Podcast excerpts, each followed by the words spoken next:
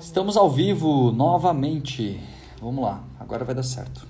Vamos esperar o cartão entrar, convidar ele, começar essa live de uma vez por todas. Bora botar essa energia para fazer essa live acontecer.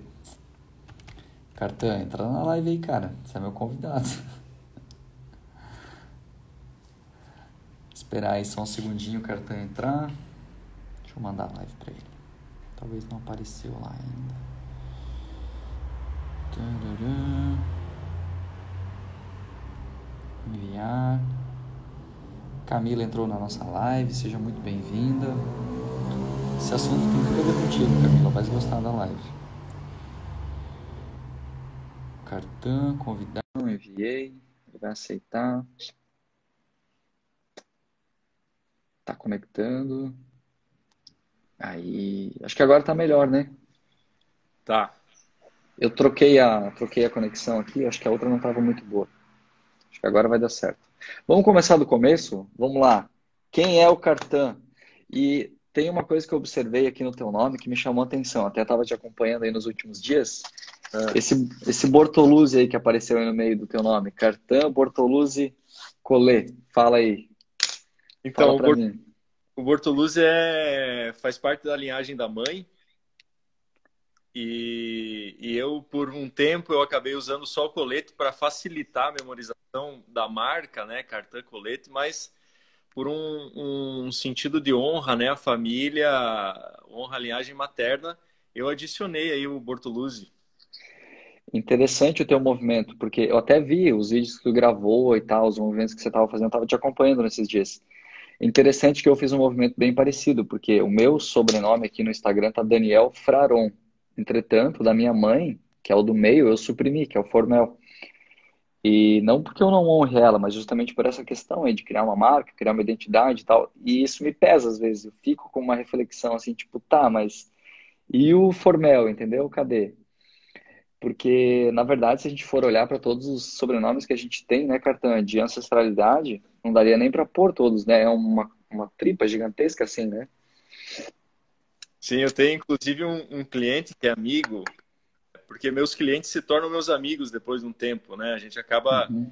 compartilhando um- uma amizade, né? E, e ele colocou no Facebook, depois que ele teve contato com a informação da importância de honrar os ancestrais, ele colocou no Facebook todos os sobrenomes é, Caraca! alcançáveis, alcançáveis. Então, cara, fica muito engraçado porque é, o nome dele é bem simples, assim, tem quatro letras.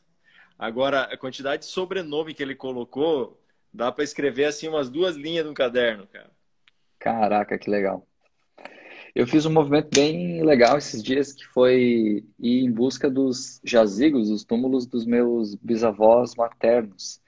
A gente acabou descobrindo que eles estavam numa cidade próxima, estava acessível e tal, e disse, ah, vamos lá ver, vamos, vamos lá queimar uma vela e tal, ver como é que é. A gente acabou descobrindo, então, onde estão enterrados os avós maternos e os avós paternos da minha mãe, meus bisas, no caso, né? Aham. E aí, indo ali naquele cemitério, a gente descobriu também que os Trisa estão numa cidade ali perto. A gente acabou não indo, mas o dia que a gente quiser, tá ali disponível, dá pra pra ver quem são. É legal esses movimentos, eu curto, curto essa, esses movimentos ancestrais.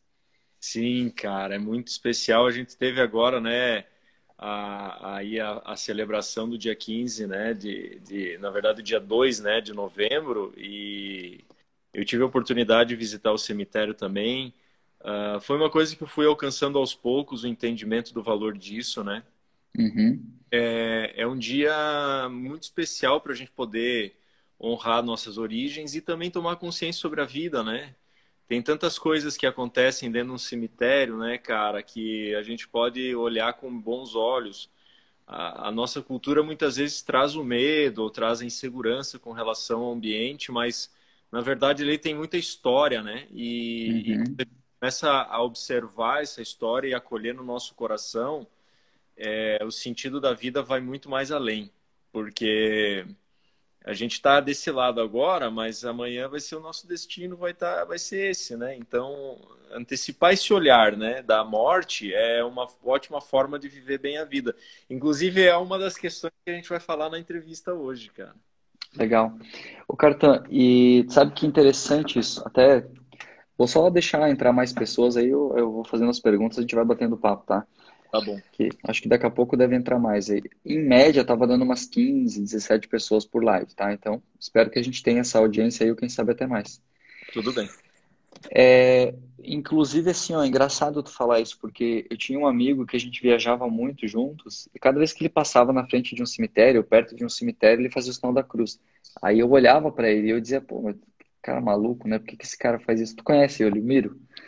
E aí, pô, mas por que, né, fazer o sinal da cruz na frente do cemitério? E aí ele sempre trazia aquele papo, não, mas, pô, é um lugar abençoado, olha quantas almas boas estão ali. Ele sempre traz essa reflexão.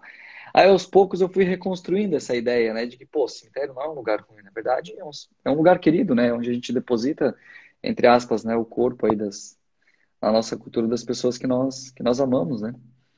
Então, são vários, como é que eu posso dizer, é, várias crenças que se tem em relação a esses lugares, né, vários, é, várias falsas verdades aí, na verdade, né.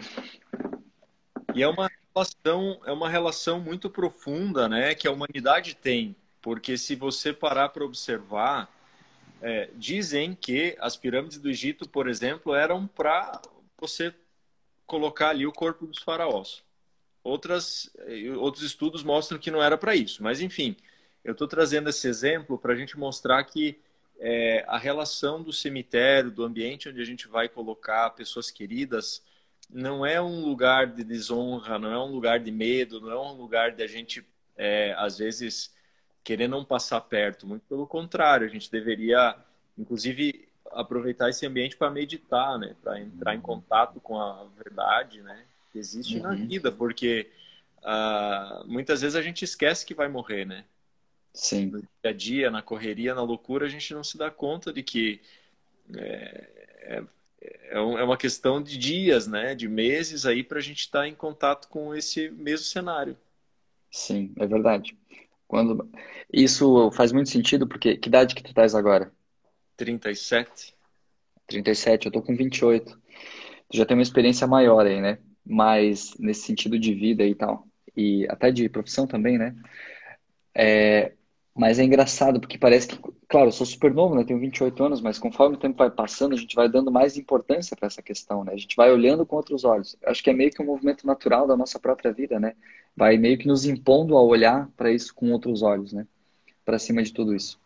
Vou te pedir para você falar de novo ali do, do Bortoluzzi, porque a gente encerrou a live e, e veio de novo, então vou te perguntar, vai lá. Vai ficar gravado, então vou fazer essa pergunta aí para tu se apresentar, para a gente saber com quem que a gente está fazendo a live aí.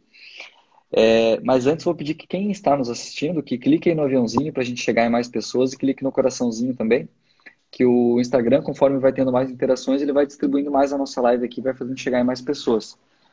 Mas me fala aí, então desse teu movimento que tu fez aí do Cartão, Bortoluzzi Colê. E quem é esse cara aí que tem, tem 12 anos de experiência aí com coach, com carreira, coach de carreira, né? Fala um pouquinho aí de você, vamos deixar você se apresentar aí com mais, mais propriedade aí, vai lá. É, é sempre um desafio se apresentar porque a gente tem que falar coisas que não sejam banais, né? Então, na minha visão, pelo menos, né, Daniel? Então, o que eu posso te dizer, assim, com relação a o que eu faço hoje?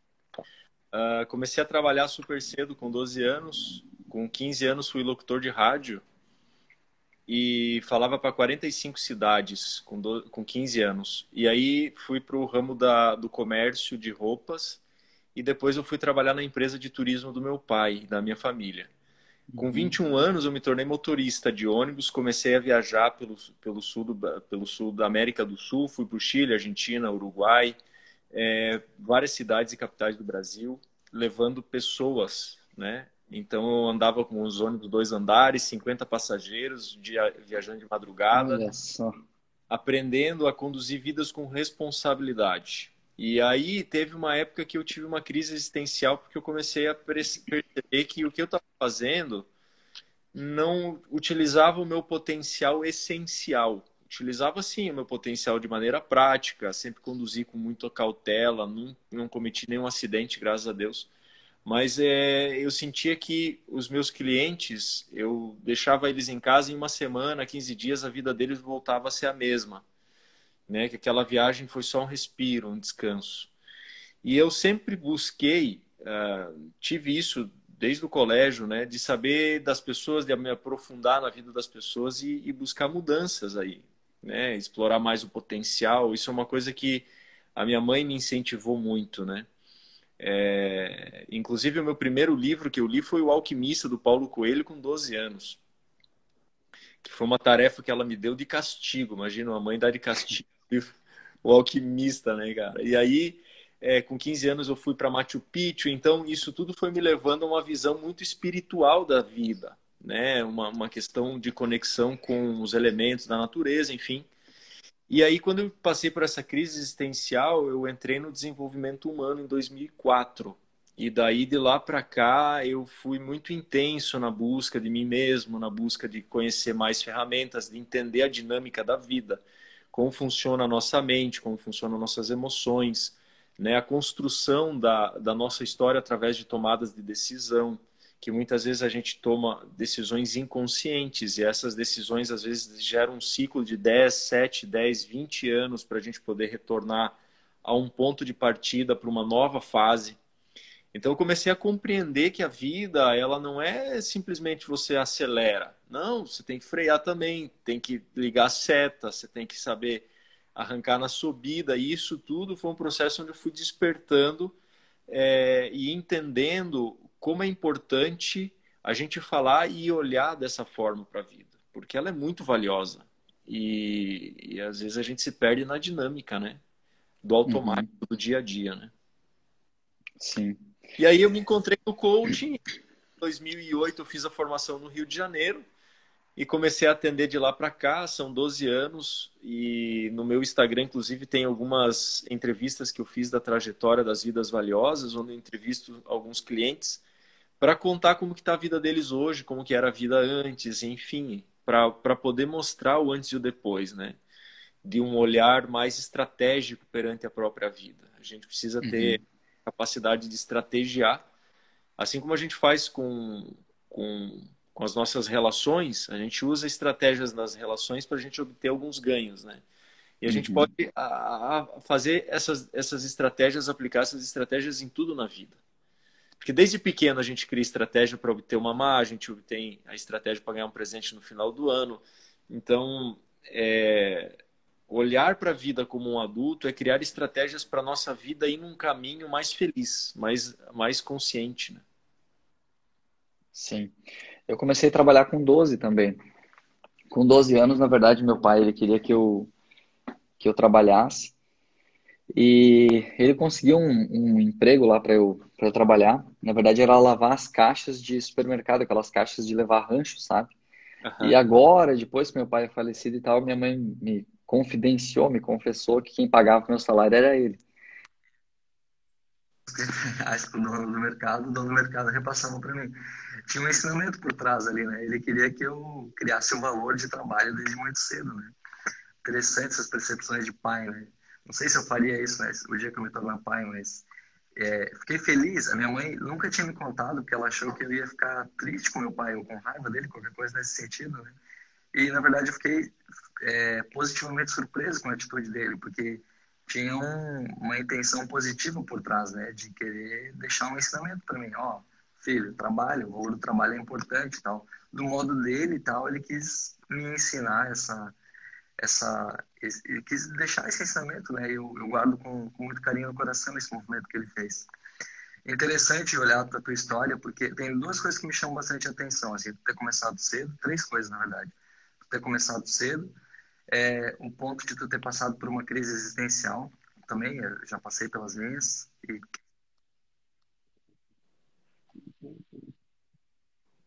o Daniel. O Daniel. Cortou, cortou um pouco veio piorando, veio piorando e aí.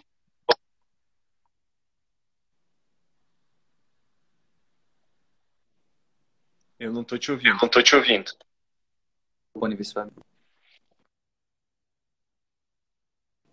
Voltou. Tá me ouvindo melhor? Sim, agora voltou. Então tá, vou fazer sem o fone. É... Três pontos que me chamaram a atenção. O primeiro que tu começou cedo, também comecei cedo, né? Cedo, na verdade, tem pessoas que começam até antes, né, Cartar? Meus pais, meus pais começaram com sete anos, por exemplo. O segundo ponto que me chamou a atenção foi do motorista de ônibus. Tu já tinha falado isso em algum momento? Eu acho que eu já tinha ouvido falar essa, esse ponto aí, mas eu não me lembrava. E o terceiro ponto, daqui a pouco eu lembro, mas tem tudo a ver esse lance aí, né, de você conduzir a vida das pessoas, de ajudar a conduzir através do ônibus, e aí depois você fazer esse movimento com, com coaching. Mas o que eu quero te perguntar é o seguinte: como é que foi a tua crise existencial e o que, que ela trouxe de conexão para você entender o teu movimento perante perante essa tua estratégia de poder ajudar os outros? A questão foi a seguinte: por amor ao meu pai, eu escolhi fazer faculdade de turismo. Porque meu pai fundou essa empresa junto com meu avô. E a empresa hoje tem 45 anos. E, e eu, como uma forma de amar e expressar o amor, eu busquei uma profissão que pudesse honrar ele, né? Uhum. Eu comecei a ver que eu estava criando uma vida que não era a vida que eu queria honestamente. Sim. É uma vida em busca do amor. E que é nobre isso. Tem muitos filhos que fazem isso por amor aos pais e vivem super Sim. bem. Sim. Como eu fui é, instigado constantemente aí em busca daquilo que vibrava o meu coração, eu não consegui lidar com essa com, essa distância, porque estava existindo um distanciamento de mim mesmo, né? Uhum. Era interessante porque eu fazia as viagens e eu levava sempre um livro e, a minha, e o meu violão, minha guitarra junto. Uhum. Era uma forma de eu manter isso vivo em mim, porque o livro, o violão, os relacionamentos e a parte espiritual, a conexão espiritual, sempre for, foram os quatro elementos que me acompanhou sempre, desde pequeno. E eu dirigindo os ônibus, quando eu estava no intervalo, por exemplo, os passageiros fazendo turismo, fazendo alguma coisa, eu estava lendo, eu estava tocando a guitarra em momentos de lazer, como uma forma de ir semeando essa, esse futuro que eu estava desejando, né? Então eu tive que parar, pisar no freio e falar, olha, é... eu tenho que ser honesto que não é por aqui a minha vida. Eu me formei, trabalhei alguns anos na empresa até que eu fiz a, trans, a, trans, a transição de carreira. Não foi fácil, foi super desafiante, porque além de entrar no mercado onde não tinha nem livro em português de coaching, eu fui um dos primeiros coaches formados no Brasil. E além de. Condor? Foi a formação de coaching express do Condor Blanco. Foi pelo Condor. É. E aí o que aconteceu foi que eu tive que cortar um laço. Eu escolhi cortar um laço paterno aí nessa atitude, né? Então foi bem confrontador, assim, porque eu tinha confortável, né, dentro da empresa da família, ou seja, eu tinha toda uma construção aí de seis anos, até que eu cheguei e falei, ó, vou começar do zero de novo. E, e foi realmente uma prova, assim, porque eu acredito que o meu pai também me ensinou muito nesse momento, porque ele me deixou ir, mas ele não falou assim, ó, filho. foi não fechou a porta. Né? É, foi uma prova assim. É, bom, se você quer, vai, faz o que você está querendo aí. Qualquer coisa você pode voltar, mas é tua escolha, né? Vai, vai por ti aí. Então eu não recuei, né? Porque eu sabia que era importante uh, seguir em frente e, e aos poucos eu fui entendendo isso até que no ano no ano de 2019, o ano passado, eu voltei para minha cidade de Xanxerê e, e, teve um anfiteatro da universidade lá com 600, 700 pessoas mais ou menos. E meu pai e a minha mãe estavam na, na plateia, foi muito especial, porque eu, eu homenageei os dois e agradeci a eles. Então foi como voltar para o berço, reconectar né, pra, com as pessoas, dizendo: Ó, eu saí daqui, mas eu estou indo num caminho que não é perda de tempo, é um caminho importante, né? vou seguir honrando a família, a história da família de uma forma um pouquinho diferente. Legal isso que tu trouxe. Até eu fiz essa pergunta para até fazer um gancho, porque é interessante esse movimento, né? Porque muito do que a gente aplica nas nossas profissões, ou a forma como nós escolhemos as nossas profissões, muitas vezes não é uma escolha consciente do que nós realmente queremos, ou do que nós realmente temos talento para tal, né? Por exemplo, assim, ó, o meu pai, ele trabalhava na roça com o seu, é, com o meu avô, no caso, com seus irmãos, mas ele desde cedo ele olhava para os caminhões que passavam na, na estrada e ele sempre olhava e dizia: ah, um dia eu quero ser caminhoneiro. Então ele sonhava em ser aquilo. E meu pai definitivamente ele sonhava com aquilo, foi atrás e viveu o sonho dele. O sonho dele era ser caminhoneiro. Fiquei sabendo dessa história é, por um irmão mais velho dele. E eu, por muito tempo, cultivei dentro de mim esse amor ao caminhão, esse amor a, a, a talvez até me tornar um profissional para trabalhar com transporte. De tanto que eu gostava é, do meu pai e desses laços e tudo mais. Mas o tempo foi passando, meu pai sempre foi me incentivando muito ao estudo, porque na cabeça dele, nem a roça e nem o caminhão eram, é, digamos assim, os locais mais apropriados na cabeça dele para mim. Ele queria que eu estudasse alguma coisa e ele queria que eu trabalhasse com algo que eu usasse a cabeça. Olha só o que ele estava plantando lá atrás, né? Mas o engraçado foi que ele sempre falava o seguinte para mim: te espelha no Ismael, te espelha no Ismael. Ismael é um primo meu mais velho. E aí o meu primo seguiu a carreira de, de docente, foi estudar física, foi estudar, fez mestrado, acabou de concluir o doutorado dele em física. E eu cheguei a fazer o vestibular para estudar física também, de tanto que eu admirava o meu primo, mas não era o meu talento. E interessante, porque daí eu fui, passei no vestibular, era para eu ir para Porto Alegre para fazer física lá. E aí chegou um momento que meu pai disse: Não, tu tá maluco? Vai para Porto Alegre? Tá, não vai não vai fazer um vestibular aqui em Blumenau, vai estudar por aqui. E aí, quando eu peguei a grade para ver, assim, ah, o que, que tem... Porque aqui não tinha física aqui em Blumenau, né? Olha o que, que eu fiz. Eu pensei, ah, vou olhar qual curso mais tem física e mais tem matemática, que é o que mais se aproxima do que, entre aspas, eu gosto e se aproxima do meu primo. De forma inconsciente, de tanto que eu admirava o meu primo, eu queria ser igual a ele. Aí eu fui lá e escolhi engenharia de telecomunicações, porque era o curso que mais tinha física e matemática. E, cara, eu fui até o nono semestre desse curso. E em 2014, quando eu passei por um processo de imersão, um processo de imersão emocional, eu disse: Você tá maluco? Não é isso que eu quero. Eu botei tudo de lado, tranquei a faculdade. Aí todo mundo achou que eu era maluco, né? Como assim? Tu tá trancando a faculdade, engenharia de telecomunicações, nono semestre, falta entregar TCC estágio, você é maluco? Eu disse: Não, não, mas é porque eu descobri é que não é isso. Eu vou começar do zero uma outra carreira. E ali em 2014, efetivamente, eu comecei a fazer essa busca de autoconhecimento, de coaching, PNL, hipnose, constelação sistêmica, essa brincadeira toda. Mas quem olha lá atrás, é, quem olha para esse meu movimento que eu fiz lá em 2014, achou que eu era maluco. Mas, na verdade, com muito amor, eu rompi né, esse, esse vínculo de admiração que eu tinha e eu consegui realmente me conectar com aquilo que fazia sentido para mim, da minha carreira. Do uhum. sentido de que, opa, peraí, mas, cara, os meus talentos são para viver isso aqui, não são para viver aquilo. Talvez até desse certo com engenharia, ia gostar, não sei. Mas o que realmente faz o meu coração vibrar hoje é, é trabalhar nessa área que eu trabalho hoje, né? Interessante que ainda assim vem esses movimentos de, disso que tu que você falou agora há pouco. Por exemplo, assim, é, eu tenho um sonho, por exemplo, de comprar um caminhão para mim, nem que seja só para dar uma volta no final de semana. Então tem ainda um pouco desse sentimento, assim, sabe? Não sei se está fazendo sentido isso que eu estou te falando. Claro, claro que faz. É, você sabe que meu, meu pai tem um caminhão, que foi um caminhão que o meu avô trabalhou há, há muitos anos, e ele foi vendido e depois ele acabou reencontrando esse caminhão em Curitiba, comprou o caminhão. Ele reformou o caminhão, é ganhador de título no sul, no sul brasileiro pelo caminhão e tal. Ele tem um amor muito grande. E é uma forma de honrar, né, Daniel? É um sentimento que às vezes te leva a reviver certas experiências da sua vida e que dá performance emocional. É, são coisas que nos elevam energeticamente no campo de emoção e faz todo sentido.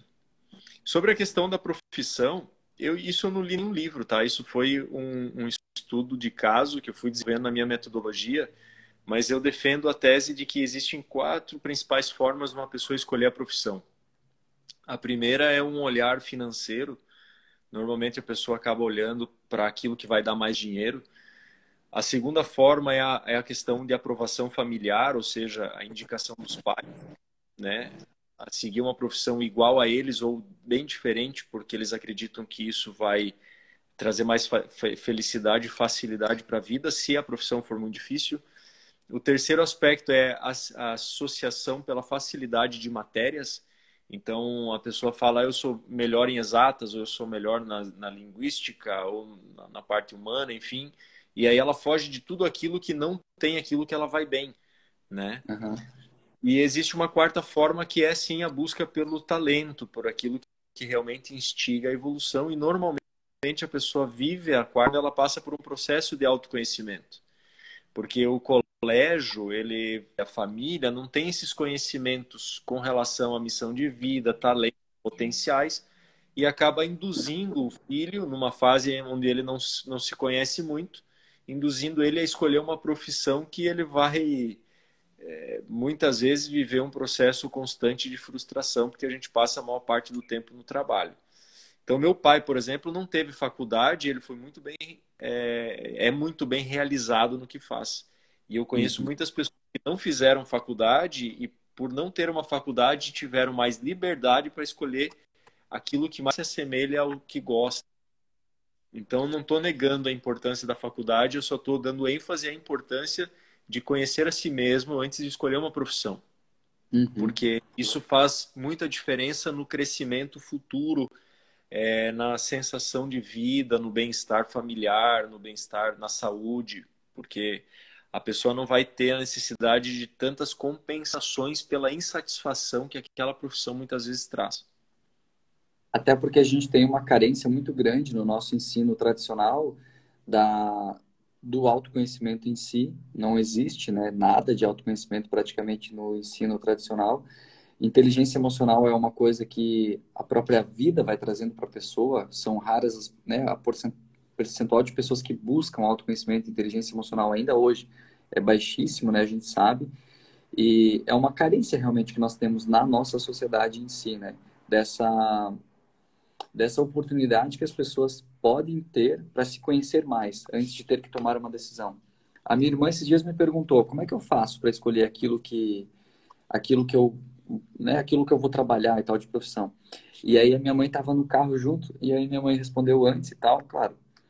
Minha mãe tem todas as, as vivências dela, as crenças dela e tal, mas ela trouxe muito um contexto bem tradicional assim, né? Aí eu perguntei para minha irmã, tá, mas o que, que, você mais gosta de fazer? Aí ela disse assim, ah, eu adoro cozinhar. Disse, ah, vai fazer alguma coisa com isso? Quem sabe tu gosta? Né? E aí, quando eu falei de vai fazer aquilo que tu gosta, o olhinho dela brilhou.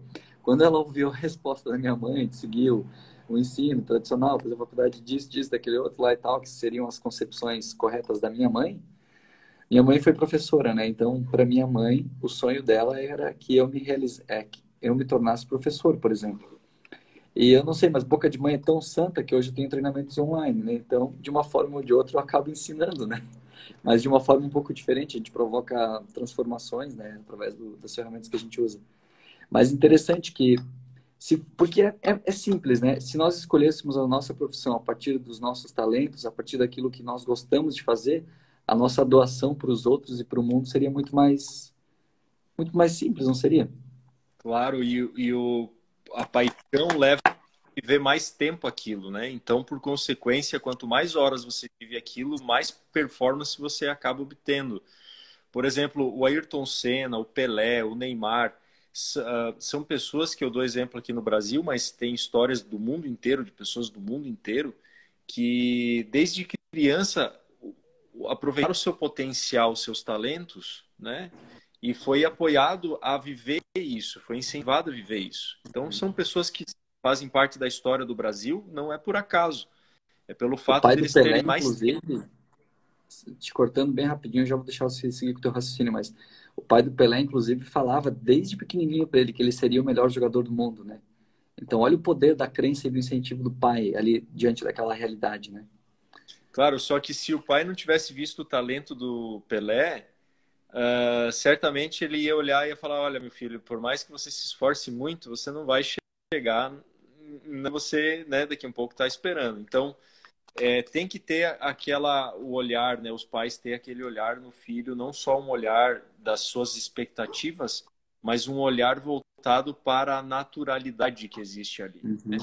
E, e aí, por consequência, essas pessoas acabam sendo referências no mundo, só que não existe uma fórmula. A gente acaba não aprendendo essa fórmula porque o sistema educacional ele é um sistema muito moldador, né? Ele é podador e moldador. Então acaba que você coloca todo mundo na mesma turma, na mesma sala de aula, o próprio colégio tem a intenção desses alunos se formarem em medicinas ou cursos disputadíssimos, porque isso eleva a qualidade do colégio, e você começa a ter ali uma turma que está fadada a, a muitas frustrações no futuro, porque um aluno que tira 9, 10, 9, 10, 9, 10, ele não vai ter a liberdade para escolher um curso que não é tão corrido normalmente, né? Porque a, a, pressão que existe em cima desses alunos é muito grande para prestar é, faculdades de medicina, federais e cursos né, concorridos, porque aparece aí uma grande oportunidade para eles. Mas nem sempre é o caminho, né? Nem sempre é o caminho da felicidade, né? Sim. É, tem uma pergunta aqui de uma, de uma moça eu vou falar a pergunta e vou deixar tu responder e depois eu complemento, tá? Ela colocou assim, ó. É, quando o sonho vem da criança e ele não se torna real, pode-se fazer outra coisa sem se frustrar? É uma pergunta que ela fez. Vou deixar tu, tu responder depois eu, eu complemento qualquer coisa. Tá. Eu vou aproveitar e fazer um gancho com o que você estava falando da sua irmã, que eu falei Pode. que a escolha profissional ela não é só uma questão de área, ela é uma questão de ambiente. Então, por exemplo, a sua irmã pode fazer gastronomia. Só que se ela for uma chefe de cozinha, que ela estiver num cruzeiro e ela odiar estar ali, ela uhum. igual não vai estar realizada. Então, não é só uma questão de uh, profissão, é uma questão de ecossistema, de ambiente de trabalho. Então, uma vez eu atendi um cliente que ele tinha o sonho de ser jogador de futebol desde pequeno. Só que ele acabou tendo problemas fortíssimos nos joelhos. Ele passou por quatro, cinco cirurgias, duas num joelho e três na outra. E ele teve que deixar esse sonho de lado de ser jogador de futebol. Agora, no trabalho de coach que eu fiz, eu, eu identifiquei esse sonho e a gente transferiu as características e os ambientes desse sonho para a vida adulta. Ou seja, a gente começou a ter um olhar não só voltado em específico para aquele sonho de criança, mas uhum. como um processo de adaptação para a vida adulta dele, para que ele pudesse se realizar, mesmo numa situação bem diferente do que anteriormente ele, ele tinha a possibilidade de ser mais novo. Né? Então, tem muitos, muitas pessoas, por exemplo, que. Uh, vou dar um exemplo da pessoa gosta muito de música e não conseguiu se realizar como cantor, mas pode agregar música dentro da sua profissão atual e fazer disso um diferencial. Eu tenho um exemplo disso, quer ver? Eu sou apaixonado por música, tá? Eu até já estudei alguns instrumentos e tal, mas cada vez que eu abro a boca para cantar é um desastre. Só que sempre que eu vou realizar um treinamento, ou uma hipnose, ou que eu vou realizar um, uma dinâmica emocional, eu pego músicas para dar um outro, um outro contexto nas dinâmicas, né? Mas se eu precisasse cantar, realmente seria um. Mas eu consigo é, usar essa minha paixão pela música de uma outra forma, né? Consigo trazer as músicas para para fazer com que esse efeito surja, né? É bem, bem nesse exemplo que você trouxe aí, faz todo sentido. E é muito importante a gente dissolver, inclusive a gente está entrando agora, né? Já entramos aí numa nova era, né? fala que a, a tecnologia ela vai ocupar muito o espaço que hoje dos serviços humanos e a gente vai precisar se desenvolver muito como ser humano para a gente ocupar uh, espaços na sociedade que hoje, pelo fato da gente fazer coisas mecânicas, uhum. esses espaços vão ser convidativos, né?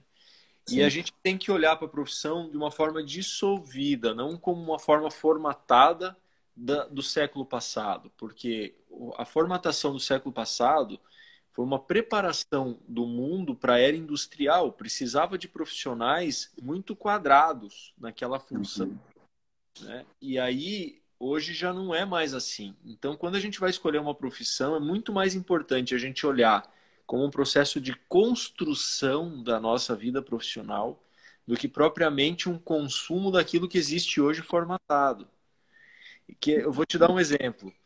É, um corretor de imóveis que gosta de música e gosta muito de se relacionar com as pessoas, ele pode vender um imóvel e fazer um jantar, que gosta de fazer churrasco também, gosta de cozinhar.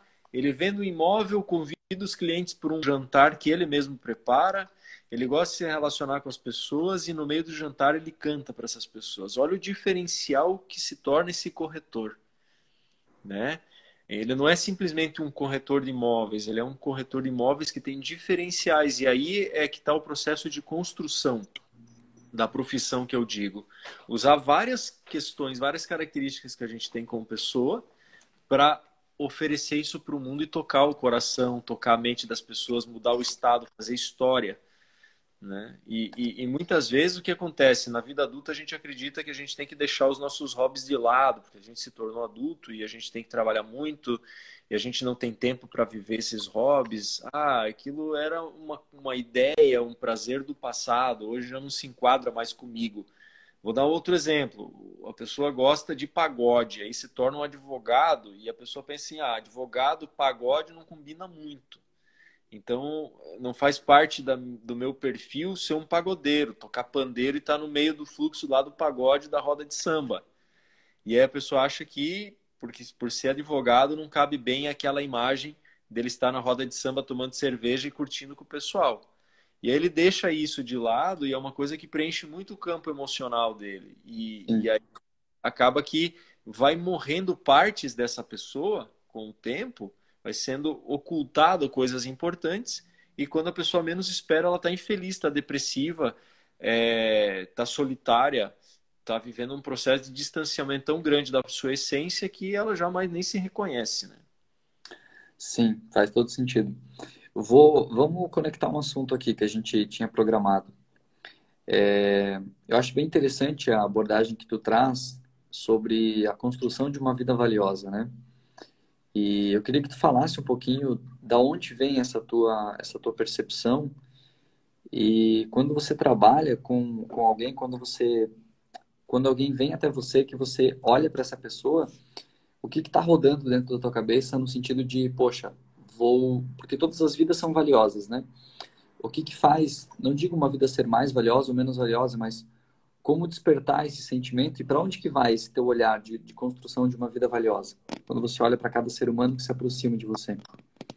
Tá. É, uma, é bem complexo isso, Daniel. É, muitas vezes nem, nem eu mesmo entendo qual, qual é as, quais são as direções que a minha mente leva e da onde que eu extraio tanta coisa para poder contribuir. Uma parte vem do cliente, mas outra parte é pela quantidade de horas que eu tenho de atendimento eu consigo perceber coisas que ele não fala. Uhum. E eu acredito que Muitas a maior vezes parte... até de forma intuitiva, né, capitão? Isso, eu acredito que a maior parte da, da, da, do conteúdo não é verbal. Né? É uma questão muito mais sutil aí que opera, mas é uma questão minha, assim, que eu não teria nem como te explicar. Mas uh, uma, todas as vidas, sim, são valiosas. A diferença é como que a pessoa conduz essa vida. Né? Então, no meu ver, dentro de estudos, eu mostro uma direção como vida valiosa, porque é só uma direção, não é um rótulo, sendo uma vida onde a gente busca necessidades elevadas. Todos nós temos necessidades básicas de sobrevivência, temos necessidades medianas que estão relacionadas ao status e o pertencimento, uhum. de maneira bem prática a pirâmide de Maslow, né? e as necessidades elevadas que estão relacionadas à autorrealização. Qual que é a diferença de uma vida valiosa de uma vida comum, ao meu ver? Uma vida comum é uma vida direcionada às necessidades medianas. Ou seja, a pessoa passa a vida inteira, ou a maior parte da sua vida, buscando status e pertencimento. Status e pertencimento. Então, ela já alcançou uma qualidade de vida super boa, ela já tem uma casa, ela já tem um carro, ela já tem condições de viver super bem, que para muitas vezes para a essência dela já estaria ok aquele padrão de vida. Mas a sociedade, o mercado, a indústria, ela está desenhada para fazer a gente sempre estar substituindo, constantemente substituindo o que a gente tem por algo melhor. E nesse momento, a maior parte do nosso tempo e o nosso olhar está para, para satisfazer essas trocas de matéria. E a gente dedica mais tempo a isso ao invés de transcender essas necessidades medianas para, umas, para as necessidades mais elevadas, que estão voltadas para o autoconhecimento, voltadas para cumprir uma missão de vida, ou seja, uma vida valiosa é uma vida com propósito elevado. Ela tem esse olhar. E é muito interessante porque existe uma enfermeira australiana que ela escreveu um artigo, o nome dela é Brownie Ware. E ela escreveu um artigo falando sobre os arrependimentos no leito de morte, porque ela era uma enfermeira de pacientes terminais. E ela diz que o, o arrependimento número um é a falta de lealdade a si mesmo. E o que, que isso quer dizer, Daniel? Quer dizer o seguinte, que existem dois tipos de morte. Uma que é a morte imediata e a outra que é a morte lenta. Enquanto a gente não tem uma morte imediata, a gente está morrendo aos poucos. Dia após dia, nós estamos indo em direção à morte. Né? Então, o que, que acontece aí? Acontece que nessa dinâmica da gente substituir o que a gente já tem por algo novo e, e, e buscar elevar esses padrões sociais que vão melhorando os nossos, o nosso status, o nosso pertencimento, a gente vai esquecendo que tem um final da linha. E esse final de linha é você com você mesmo, com a sua história, e muitas vezes nesse caminho todo a pessoa ela não é leal a si mesma porque ela olha para si mesma e poderia e, e, poderia pensar assim: já tá bom a casa que eu tenho. Eu não tenho uma casa de um milhão, mas a casa que eu tenho já me dá o aconchego. Eu posso direcionar os meus recursos agora para viajar, para estudar, para fazer coisas diferentes, para tirar um ano sabático ou para investir num projeto que vai ajudar pessoas, entende? Só que o olhar da sociedade está muito voltado para a gente ir crescendo o nosso padrão de vida, o nosso poder de consumo, e isso vai distanciando a gente das necessidades reais que a gente tem. E a filosofia da vida valiosa, ela não é contra você ganhar dinheiro, muito pelo contrário, ela vai potencializar você a ganhar muito dinheiro. A diferença é você saber investir esses recursos sabendo que a sua vida tem um fim e que esses recursos bem aplicados vão te dar mais saúde, mais felicidade, mais realização, mais qualidade de vida, né? E, e é interessante também para complementar isso que a gente está falando, é... a maioria dos meus clientes chegavam para mim e falavam, Cartan, eu quero ganhar mais, quero melhorar minha performance profissional para eu crescer na minha carreira. Eu quero aumentar meu padrão de vida. Eu quero viajar. Eu quero ter bons relacionamentos. Eu quero melhorar é, como pessoa. Ok.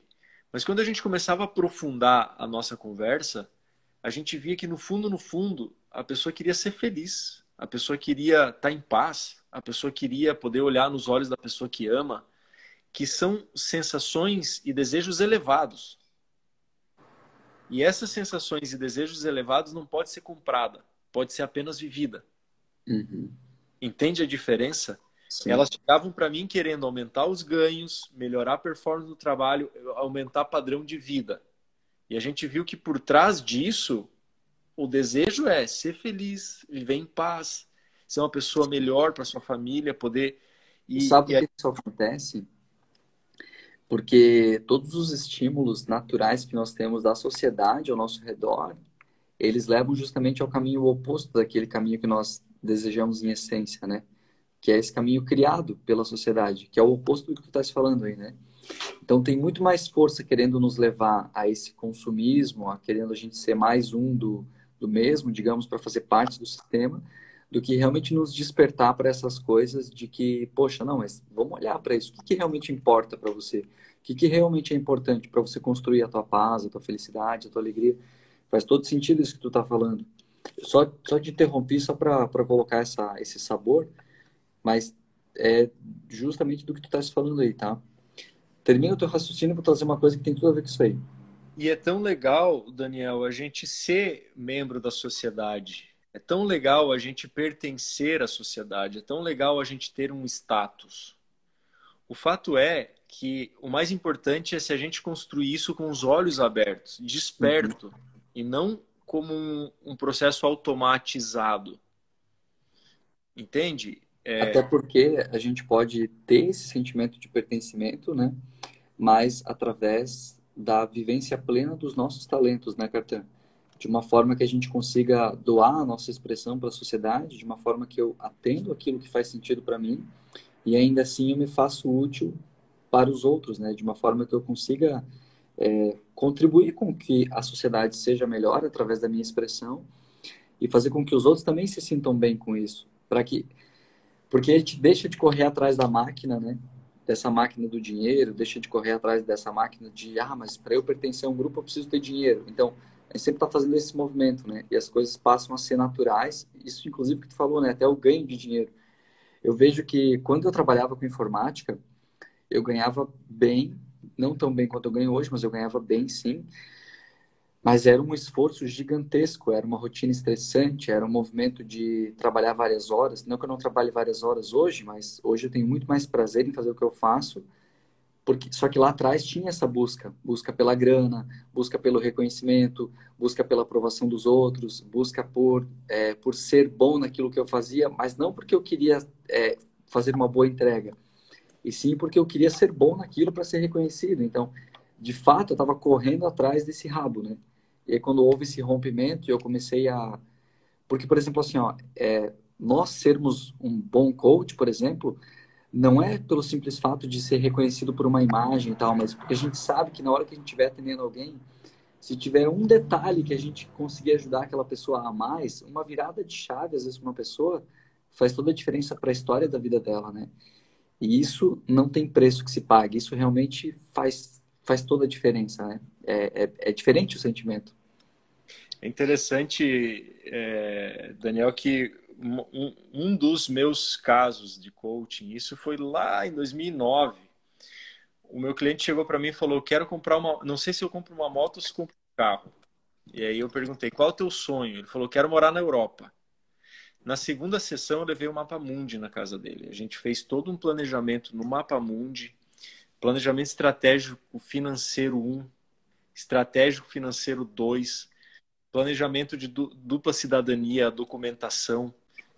Esse Mapa Mundi ficou colado na parede do quarto dele. Toda, toda noite, toda manhã ele via isso. E ele, em menos de um ano, ele foi para a Itália. Chegou lá em Milão.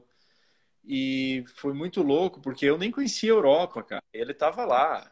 Eu levei quase 10 anos para ir para a Europa, depois dele, entendeu? Então uhum. é interessante que a gente vai vivendo experiências através das vidas que a gente vai mudando e experiências que a gente, quem sabe, nunca vai viver, mas a gente faz parte daquilo. E ele voltou da Europa depois de cinco anos com dois mestrados em Barcelona.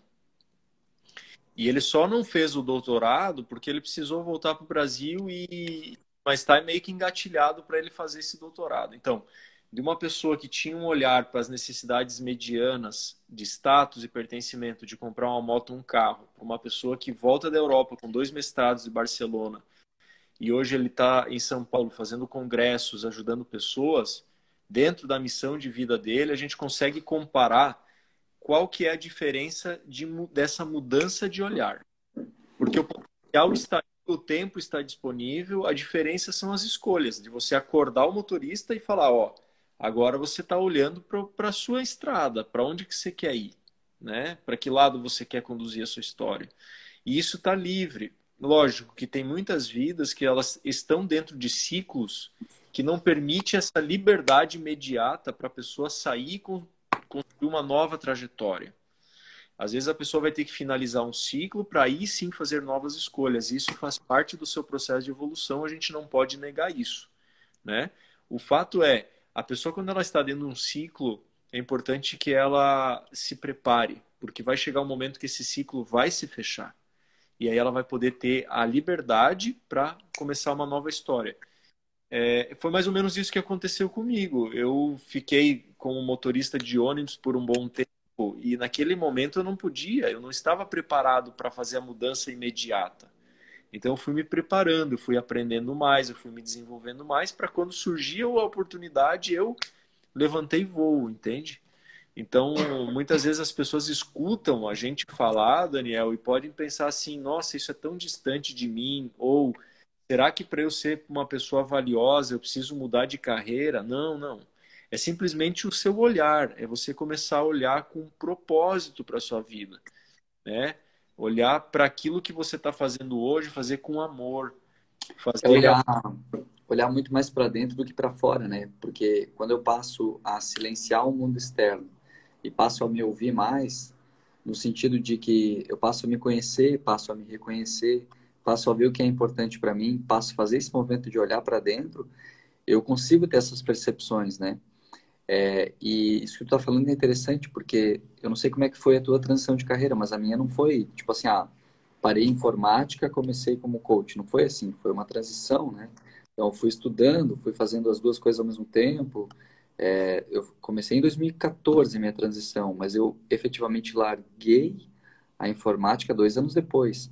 Aí, antes ainda de entrar na, antes de entrar de cabeça, ainda tive mais um ano um outro negócio, então eu tocava as duas coisas em paralelo, para depois eu realmente decidir não, chegou a hora, eu preciso agir com coragem, né? agir com meu coração e enfrentar isso de uma vez e, e realizar. E aí foi, deslanchou. Então foi sim uma virada de chave, despertou um sonho, mas não foi do, do tipo assim do dia para noite, tá? Vou é, fazer esse movimento agora e para tudo aqui, começa tudo lá. Não foi bem assim, né? Foi uma transição realmente. Eu acho que para cada pessoa tem um, uma forma, uma estratégia, uma história, né? Mas uma coisa que me, me faz pensar, que, me, que eu acho que é legal a gente trazer aqui agora, é, tu falou agora há pouquinho, um pouquinho antes, aqui alguns minutos antes, que tem muitos movimentos que vão nos matando aos poucos, né? E tem muitos movimentos que vão nos energizando também.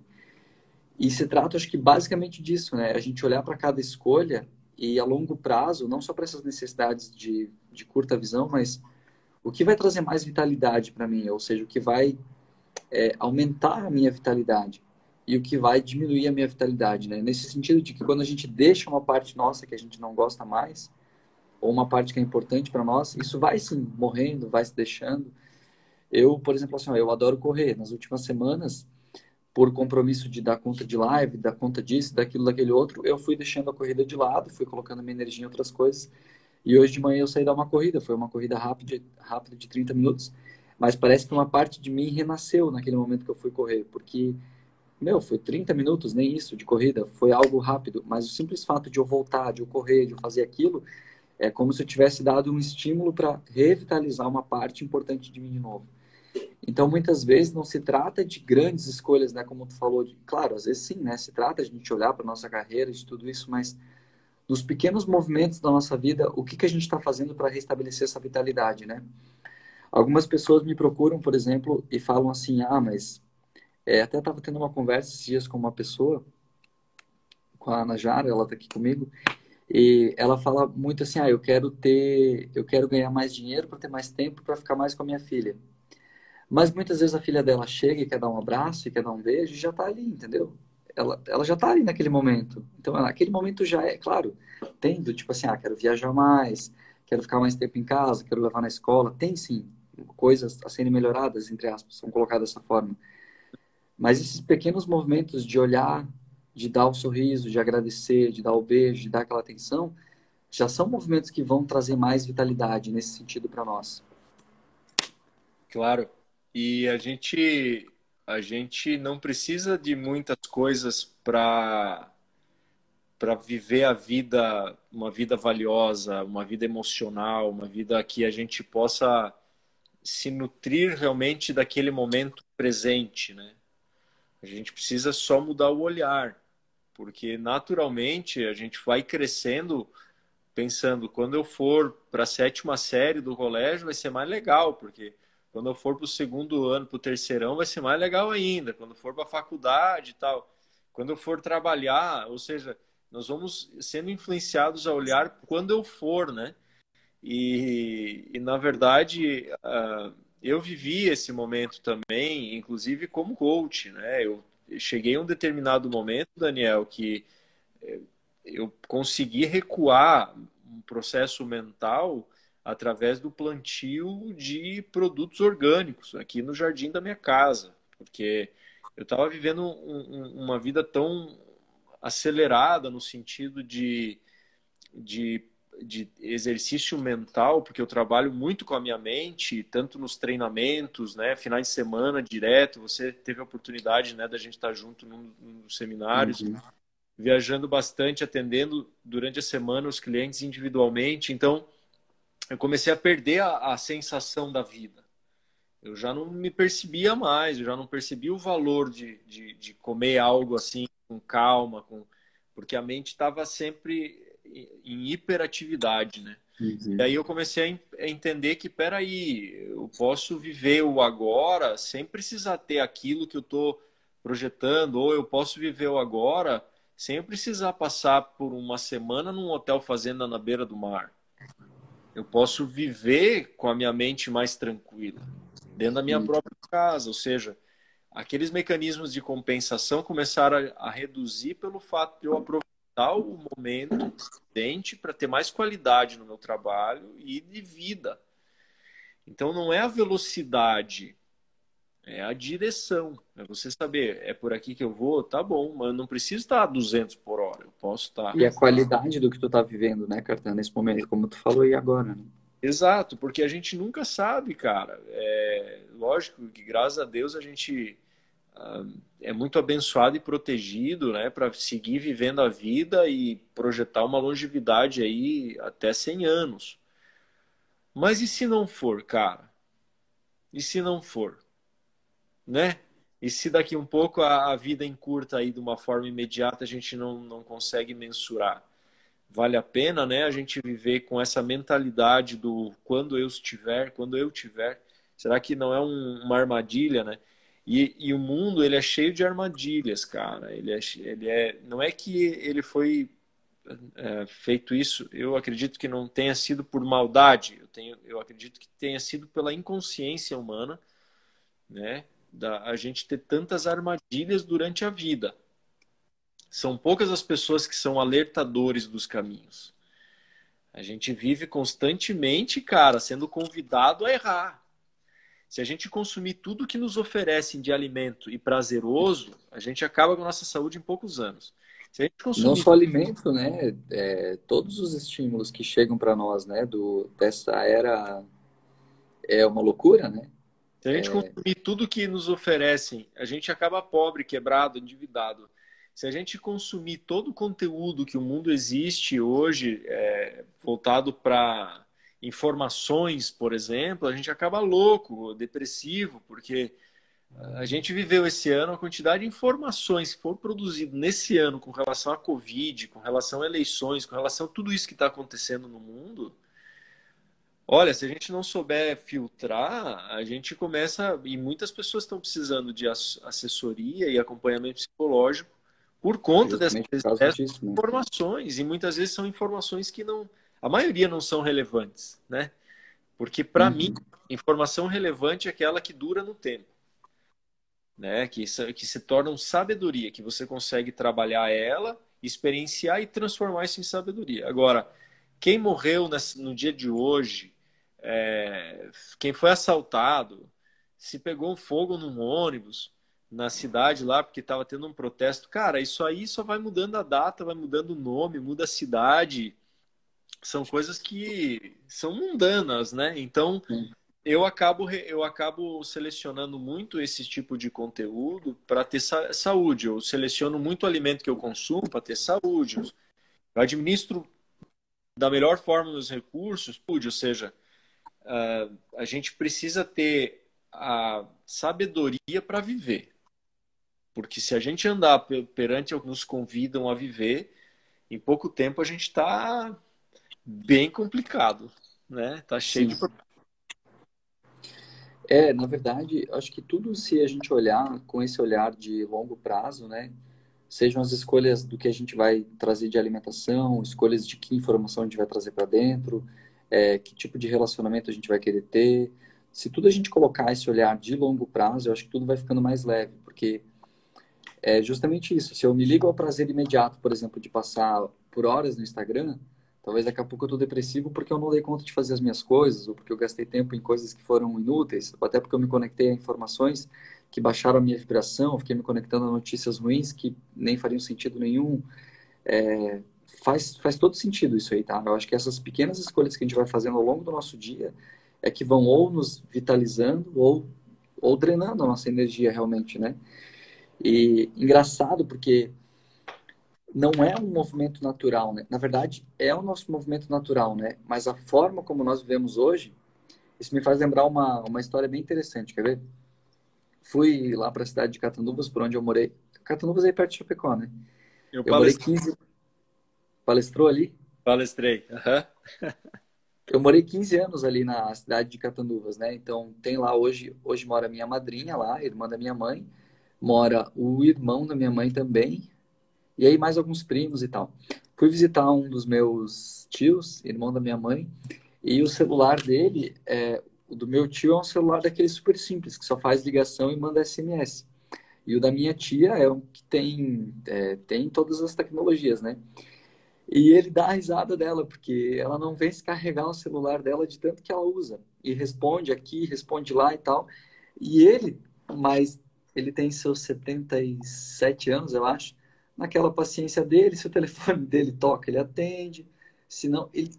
Claro, são extremos, né? Um extremo extremamente conectado e um extremo extremamente desconectado. Mas eu acho que o equilíbrio, né, um meio termo aqui no meio é que pode ser mais saudável, né? Nem aquele ponto de que, tipo assim, o celular dela não vem ser carregado, da minha tia, e nem aquele ponto dele que tá totalmente desconectado do mundo, avesso a tudo, né? Mas esse equilíbrio, justamente, né? Isso vale para tudo que a gente vive, para alimentação, para as informações, para o nosso sono, exercício físico, para tudo, tudo, tudo, tudo, tudo, tudo é uma questão de equilíbrio, né, Cartão? Sim. E, e a gente está. Uma... Estamos com o tempo apertado já? Não, na verdade eu só ia te dizer assim, ó, a gente reiniciou a live, acho que eram umas 9 10 e eu vou te dizer assim, ó, eu já fui com a live até uma hora e trinta. Uma hora e trinta não cortou, tá? Mas depois de uma hora e trinta eu nunca experimentei passar. Nossa, nunca quis correr esse risco, porque eu não sei se, se corta, se dá para salvar ou não. Então, até uma hora e meia eu acho que a gente pode ir. Então é assim, ó, a gente deve ter voltado lá por 9 e 10, agora é 10 e 10. A gente deve ter ainda mais uns 30 minutinhos, tá? Então, tá. só pra gente também se policiar pelo tempo. Tranquilo. Uh... Ô, Cartão, e como é que faz, cara, para construir uma, uma vida valiosa? Ou, ou por que, que é tão importante construir uma, uma vida valiosa? Traz esse, esse contexto aí para nós, para gente, a gente conversar um pouquinho aí. A importância, Daniel, de viver uma vida valiosa, ela está relacionado com a oportunidade de estar vivo. Primeiro ponto, né? A oportunidade de estar vivo. Então, eu tenho liberdade para fazer minhas escolhas e direcionar. Nem em, em 100% nunca porque a gente sempre está vinculado com algumas responsabilidades e padrões e condicionamentos que a gente precisa aos poucos ir se libertando para fazer escolhas mais livres. Mas viver uma vida valiosa, ela está vinculado com o final da vida. Não é só o agora, mas você poder saber que, cara, esse tempo está rodando. Você tem a oportunidade de você tem a oportunidade de, de fazer escolhas agora prazerosas ou escolhas mundanas, mas às vezes você vai ter também essa conta para pagar no final da sua vida quando você olhar para ti mesmo e sentir que não foi leal a ti mesmo. Né? Que você vai olhar para você e pensar, poxa, no fundo eu quis aprovação dos demais, eu quis provar que eu conseguia, eu quis uh, sei lá, buscar amor, obter amor das pessoas que eu tinha por perto, mas no fundo, no fundo eu queria fazer outras coisas. Se eu tivesse mais tempo de vida, eu faria coisas bem diferentes. Ou se eu pudesse voltar no tempo, eu faria coisas bem diferentes.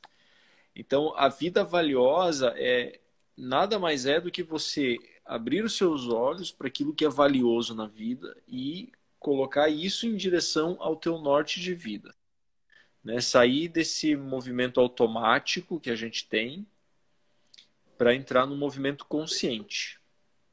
E eu acredito que você viver uma vida valiosa, Daniel, sendo feliz, a si, é, leal a si mesmo, uh, você vai prevenir muitas coisas, porque eu acredito que a falta de você ser fiel a si mesmo é o causador de guerras, de infelicidade, de doenças, de suicídio, de separações, de, de muito sofrimento. Né? Esse ano a gente viu muitas, muitos, muitos casais se separando e a gente percebe que isso está muito conectado com essa dissociação uh, de uma vida valiosa no sentido de que o olhar sempre está voltado, normalmente está voltado para obter as coisas, né? Beleza, trocou uma casa, trocou, tá morando numa casa maior, aí comprar um apartamento na praia, tem um carro melhor, tá, tá, mas e aí? Você está fazendo isso para viver em família, certo? E a família está sendo um, um, vai estar tendo um olhar para a família. Ambi o ambiente familiar ele está sendo nutrido através do amor, através das boas relações. Está existindo tempo para isso, né? Existe a parceria, a comunhão de se expressar de poder olhar nos olhos e falar, olha, que momento difícil você está vivendo, você pode contar comigo. Né? Só que como a gente entra muito no automático, a gente vai vendo uma, uma cena em cima da outra e quando vê termina o ano, aí você conseguiu a grana para trocar de carro, aí de repente você consegue fazer um investimento lá na frente e não está errado isso, está super bem. Fazer projetos de crescimento econômico é muito importante. Né? O que eu trago aqui é: você está vivendo isso de maneira automática ou você está vivendo isso de maneira consciente? Essa é a diferença. Legal. Fala um pouquinho do teu trabalho e como que tu ajuda as pessoas, porque a gente sempre tem, é, pelo menos muitas pessoas chegam para mim e dizem assim, ah, mas coach é tudo coach, né? E eu sempre falo, não, é diferente. Cada coach tem a sua abordagem, cada coach tem a sua experiência, cada coach teve histórias de clientes diferentes, cada coach seguiu por formações diferentes, por caminhos diferentes.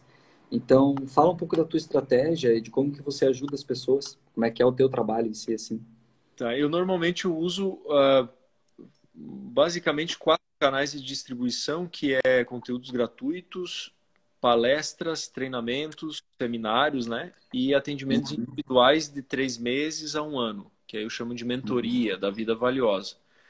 E e são formas uh, que levam mais tempo ou menos tempo para entregar o conteúdo, mas normalmente, inclusive em ambientes empresariais, tem como background toda essa história que eu estou trazendo aqui. Né? O que eu estou compartilhando contigo é a essência, o supra-sumo do meu trabalho.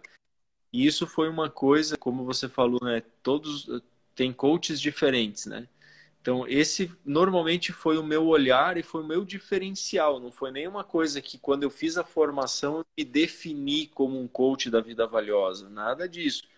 Foi quando eu, 10 anos como coach, que eu olhei para a minha história e aí eu comecei a ver o que, que eu tenho feito nessa caminhada. Foram os resultados que me colocaram nessa posição que eu estou trabalhando agora. Não foi uma coisa que eu idealizei, visualizei. Não, foi todo um processo natural, orgânico, que passou por uma leitura de resultado e uma leitura de, de método. Então, nessa quarentena veio toda a metodologia específica uh, dessa parte da vida valiosa, né? que é a conexão da essência num processo de evolução para servir o mundo. Então, esse alinhamento que acontece, ele é um alinhamento que uh, basicamente se aplica para qualquer pessoa. O único pré-requisito que eu tenho nos meus atendimentos é que a pessoa queira fazer o bem para o mundo. Se ela for uma pessoa que não quer ajudar o mundo a ser melhor, colocar a presença de Deus como centro de tudo isso, desse, desse processo de benefício para o mundo, aí eu não entendo. Mas se a pessoa tiver bondade no seu coração, eu atendo todas as profissões, idades, religião, uh, situação econômica, eu dou um jeito de poder contribuir. Então, é um processo, a vida valiosa é um caminho, é, um, é uma filosofia muito aberta, abrangente, uh, inclu, inclu, que inclui as pessoas, né? ela não é, uma, não é um processo seletivo, é um processo de inclusão, e todas as pessoas podem fazer parte, desde que queira apertar para esse olhar de a gente não é um ter humano, a gente é um ser humano. Então, que muitas vezes vive, vive uma vida de ter humano, né? Que é ter para ser. E o olhar é diferente, é ser para ter. Ou seja, tu, primeiro uhum. você é, e aí você vai tendo as vivências da vida, você vai, né, podendo contribuir fazendo sua história. Sim. Deu uma travadinha no final aqui, Cartan. É, agora acho que voltou a tua conexão normal aqui. Só nessa parte que tu estava falando do ter e do ser, tu quer repetir, talvez? Que eu acho que, acho que é legal tu repetir. Sim, é, na verdade nós somos ser humano, né? Não ter humano. Mas quando a gente para para observar, muitas vezes a trajetória das vidas comuns são vidas de ter para ser uhum. E o, o, o, processo é a gente ser para ter, ou seja, se desenvolver como ser humano, se fortalecer como ser humano. E naturalmente a gente vai ter aquilo que a gente deseja e, e muitas vezes é necessário para a nossa evolução. Porque o inconsciente, o automatismo das coisas, a gente viver no automático, faz muitas vezes a gente desejar coisas que nem vão fazer diferença na nossa evolução. Muitas vezes a gente faz isso. A gente deseja coisas, mas não se pergunta, tá, mas isso aí vai mudar a minha vida? Por exemplo, e muitas uma, vezes. Né, uma vez uma arquiteta me falou assim: ah, minha cliente foi na loja e comprou uma torneira de 3 mil reais. Tudo bem, a pessoa pode consumir o que quiser. Agora a pergunta que eu faço: você abrir uma torneira de 3 mil reais vai mudar a sua vida?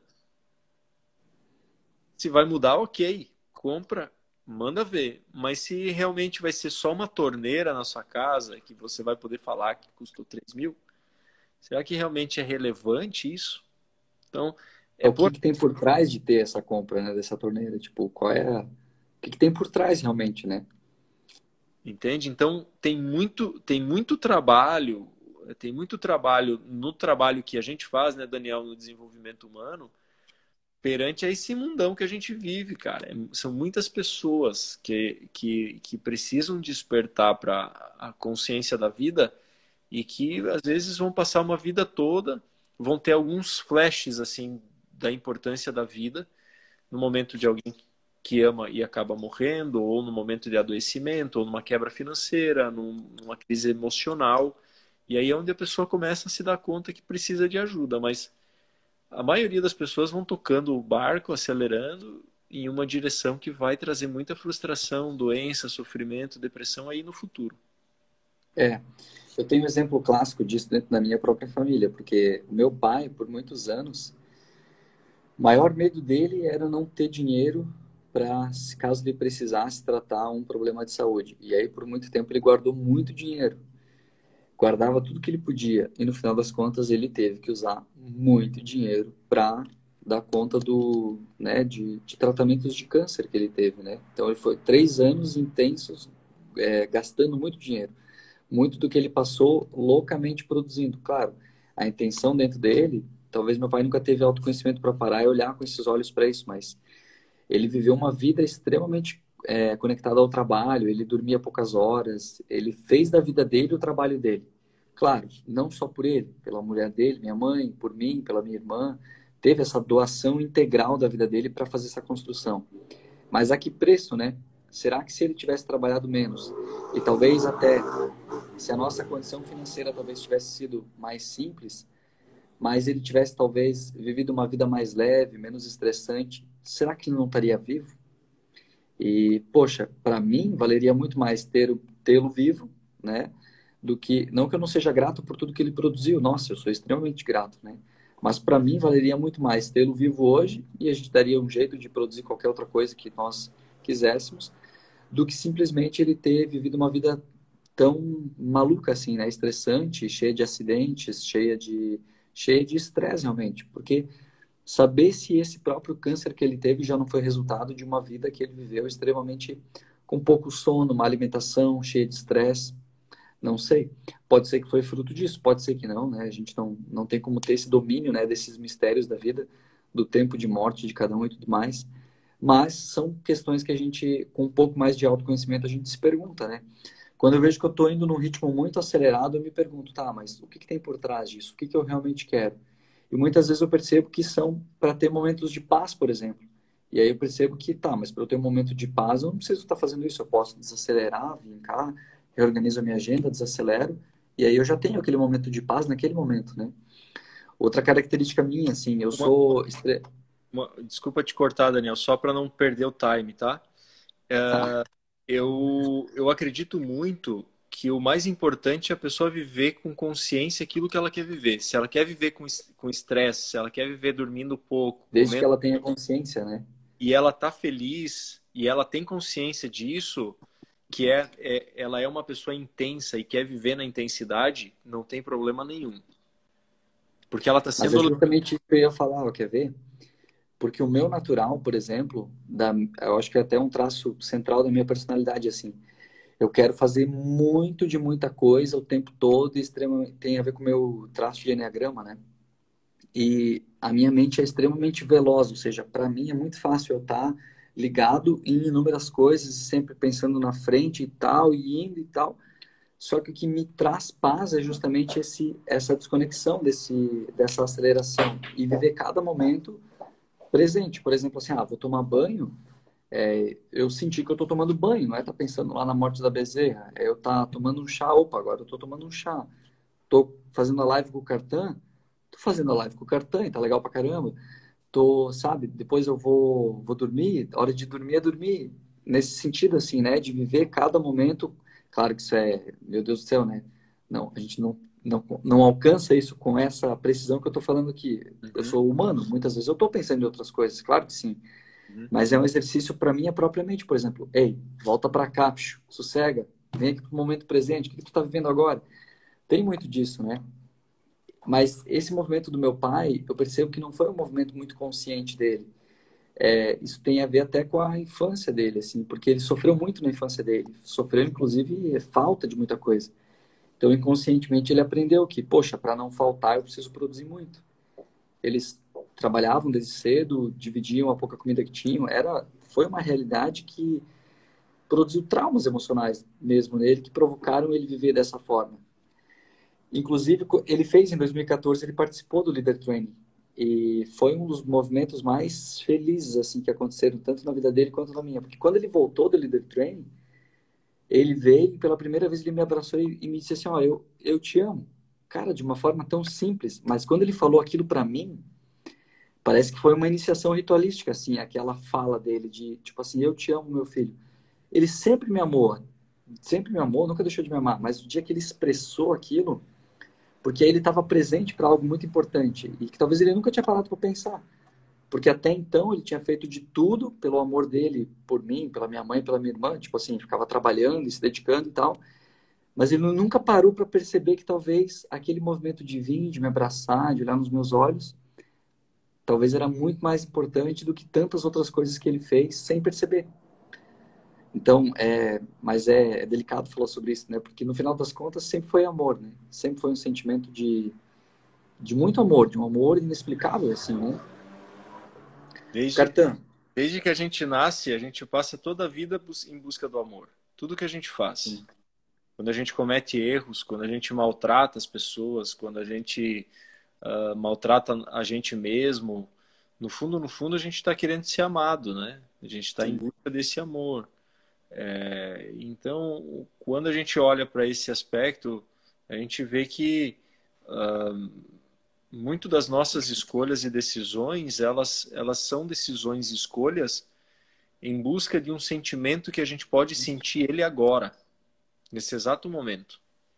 Se eu convidar, por exemplo, as pessoas que estão aqui na live, fechar os olhos e começar a relembrar de momentos importantes, momentos que se sentiram muito amados, o sentimento de amor vem e você não precisa gastar nada para isso. Por isso que a vida valiosa ela está muito relacionada com o ser, com a capacidade de você sentir, de você ser aquilo que você, as sensações ou as experiências que você quer para sua vida. Seja numa casa muito simples ou seja numa mansão na beira do mar, você conseguir estar contigo mesmo. Isso é o mais importante.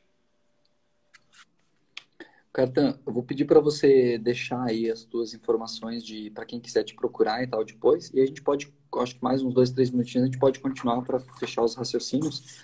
Mas acho que é legal, deixa teu, não sei, tuas formas de contato, teu site, teu Instagram e tal, para as pessoas terem acesso a você. Vai ficar salva a live aqui no perfil, né? Quem quiser ver depois o Cartan, mas acho que é legal tu deixar os teus contatos. Sim, pode me buscar no arroba com K, N no final, Cartan Colete, com L's mudo e no site cartancolete.com.br tá? Tem as informações aí sobre palestras e treinamentos. Uh, e hoje em dia está muito fácil né? A gente tem aí o Instagram constantemente a gente está tendo contato. Eu uso o Instagram para divertir muito a galera não não fico só falando porque é, eu, eu, eu desejo nas minhas postagens gerar sensações boas, então eu acabo me divertindo muito nos stories, tá? Uh, mas enfim, uhum. contato, estou à disposição para poder contribuir. Se quiserem, podem me escrever no direct, me fazendo perguntas. Estou à disposição, respondo todo mundo, tá? Legal. O Cartão, isso que tu estava falando agora há pouco, é de que sempre é uma busca por amor, né? É um assunto bem polêmico isso, porque sempre que a gente dá as formações de PNL, a gente traz um contexto de que por trás de cada ação da pessoa, independentemente se a ação foi boa ou ruim, inclusive se a ação foi desastrosa, sempre teve uma intenção de amor para aquela pessoa, para ela mesma. E é bem polêmico isso, porque para a gente conseguir trazer esse conteúdo para as pessoas é, sacarem isso, é desafiador, porque muitas vezes a gente não consegue sair da nossa perspectiva e entrar na perspectiva do outro, né? Mas no, ali na, no PNL a gente traz, por exemplo, de que até um roubo, por exemplo, é polêmico, tá? Mas vou botar um pouco de polêmica aí. Até um roubo, por exemplo, tem uma intenção positiva por trás para aquela pessoa que está cometendo a ação, no sentido de que ela tem uma intenção. A ação é desastrosa, eu não estou apoiando a ação. A ação que ela está fazendo é desastrosa, é algo errado, digamos assim, né? Mas a intenção que tem por trás, quando ela faz aquele movimento, é uma intenção de amor para ela mesma. Tu concorda com isso? Concordo, inclusive, boto mais fogueira, mais lenha na fogueira aí.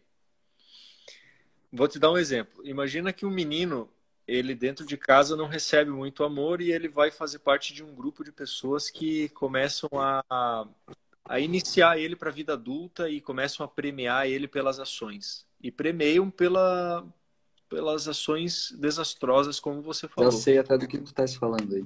Até que um dia ele tira a vida de alguém.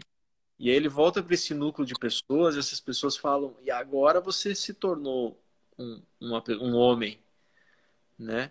E nesse momento ele acaba sentindo um amor que é um amor que ele nunca sentiu na vida, só que está associado ao sofrimento Sim. de outra pessoa.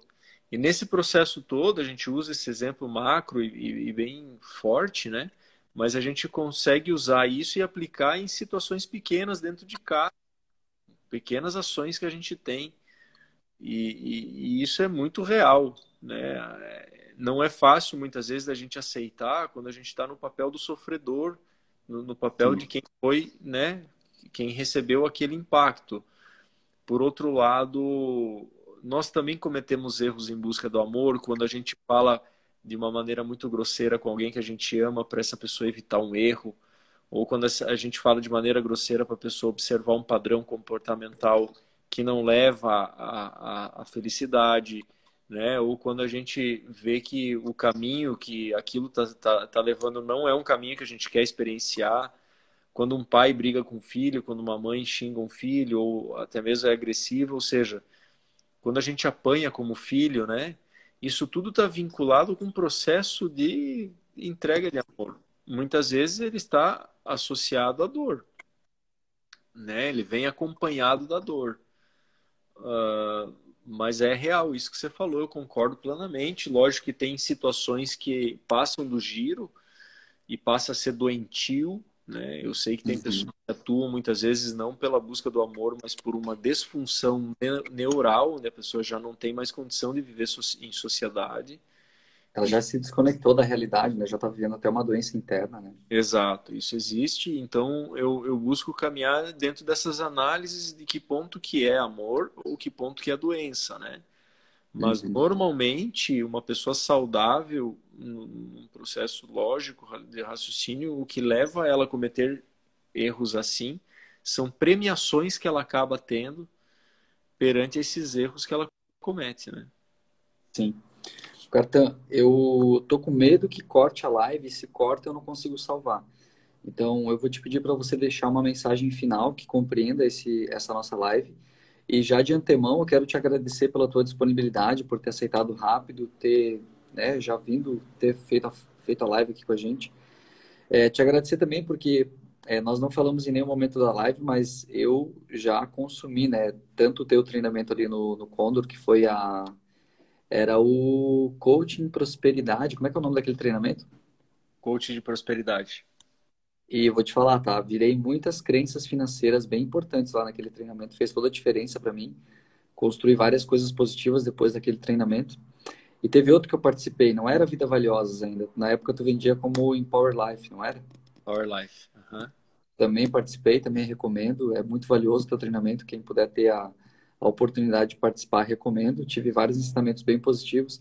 Inclusive, eu me lembro até hoje de uma dinâmica é interessante, tá? O que mais me marcou do teu treinamento lá do Empower Life, que eu participei na época, foi uma dinâmica super simples. Na época eu ainda não tinha formação de constelação sistêmica, mas tinha um exercício lá que você fazia, né? De se tinha algo para ser resolvido com alguém, você fazia uma conversa. Eu não estava conseguindo contato com aquela pessoa. Eu tinha dentro de mim que eu queria resolver aquilo com aquela pessoa e eu não achava meios. E quando veio aquela dinâmica, inclusive naquele dia eu assisti o vídeo pela primeira vez e disse assim: não vou fazer, não fiz. Aí no dia seguinte eu disse: não, vou fazer, vou fazer, vou fazer. Vou fazer.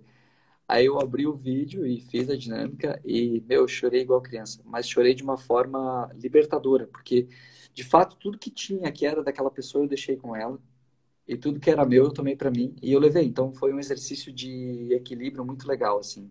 Era uma relação comercial que na época estava desequilibrada, eu queria receber, na verdade eu prestei um serviço para aquela pessoa, ela estava me devendo uma boa grana e eu não tinha jeito de receber. E eu fiz aquele exercício num dia e pelo menos a minha sensação aliviou. E uma semana depois eu consegui cobrar aquela pessoa, ela me pagou.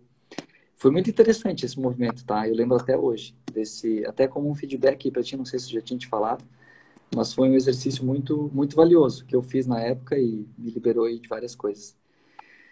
Eu acredito que, é, como é que eu posso te falar isso? Cada semente que germina dentro desse nosso plantio de autoconhecimento, né? Cada semente dentro de nós é uma, é uma planta a mais que enfeita o nosso jardim. E quando a gente tem um jardim mais florido dentro de nós, quem chega, quem se aproxima também sente os cheiros, os bons cheiros, os bons aromas disso que a gente vai desenvolvendo dentro de nós, né? Então, nesse sentido, eu quero te agradecer por toda a tua participação, pela tua doação aí também, pela tua disponibilidade hoje à noite. Quero honrar aí a tua presença, né? Tu tem uma experiência gigantesca, muito importante, foi muito legal tê-lo aqui conosco aqui nessa noite. E te pedir então que tu deixe uma, uma mensagem para finalizar aí a nossa nossa live de hoje. Daniel, obrigado, né, cara? Você é um cara aí que está sempre à frente na região de Blumenau e está sempre. Eu sei que você viveu muitas experiências desde o nosso último contato lá no Empower Life, inclusive uma sessão, acho que a gente acabou fazendo a sessão de Coach Express, né? Uma, uma sessão rápida. E te agradecer muito. Respondi imediatamente pelo, pelo valor e pelo carinho que eu tenho por você. Quero agradecer muito a tua audiência. É, seguimos juntos, né? Nessa jornada de desenvolvimento aí dessa missão divina que a gente tem, porque trazer luz para esse mundo é a responsabilidade da gente que está aqui. A gente está com o papel e a caneta na mão para escrever a nossa história. Então, quanto mais escritores conscientes tiver, a gente vai conseguir tornar a história do planeta uma história mais bonita para os nossos futuros, né, que também vão receber essa herança, né, de um mundo mais consciente. Então, agradeço toda a audiência. Quero agradecer a todas as pessoas que comentaram, que participaram, que clicaram no aviãozinho, a live, e estou à disposição para poder contribuir e apoiar no que for necessário. Legal. Eu vou deixar a nossa live gravada aqui no perfil. Vou publicar também no YouTube e depois eu extraio o áudio desse vídeo e faço um podcast. Isso vai estar lá no Spotify. Aí depois eu compartilho contigo também, caso tu queira compartilhar com os teus clientes, fica bem à vontade, tá, Cartão? Tá bom. Obrigado, Daniel. Pode me mandar aí que eu, eu te agradeço. Feliz. Então tá, cara, eu te agradeço, tá? Agradeço pela disponibilidade. Tá em Chapecó? Em Chapecó, aham. Então, legal. Cartan, obrigado pela oportunidade, fico à disposição. Vamos marcar mais vezes aí. Eu acho que nosso papo foi bem legal. Pena que tem um limite aí de tempo. Tô sempre às ordens aí para você também, tá? Tá bom, querido. Tá bom. Um beijo grande para a região de Blumenau aí. Tô com saudade de todo mundo, tá? Então tá bom. Um beijão aí para vocês também. Valeu. Até mais. Tchau, tchau, Cartan. Até mais. Abraço.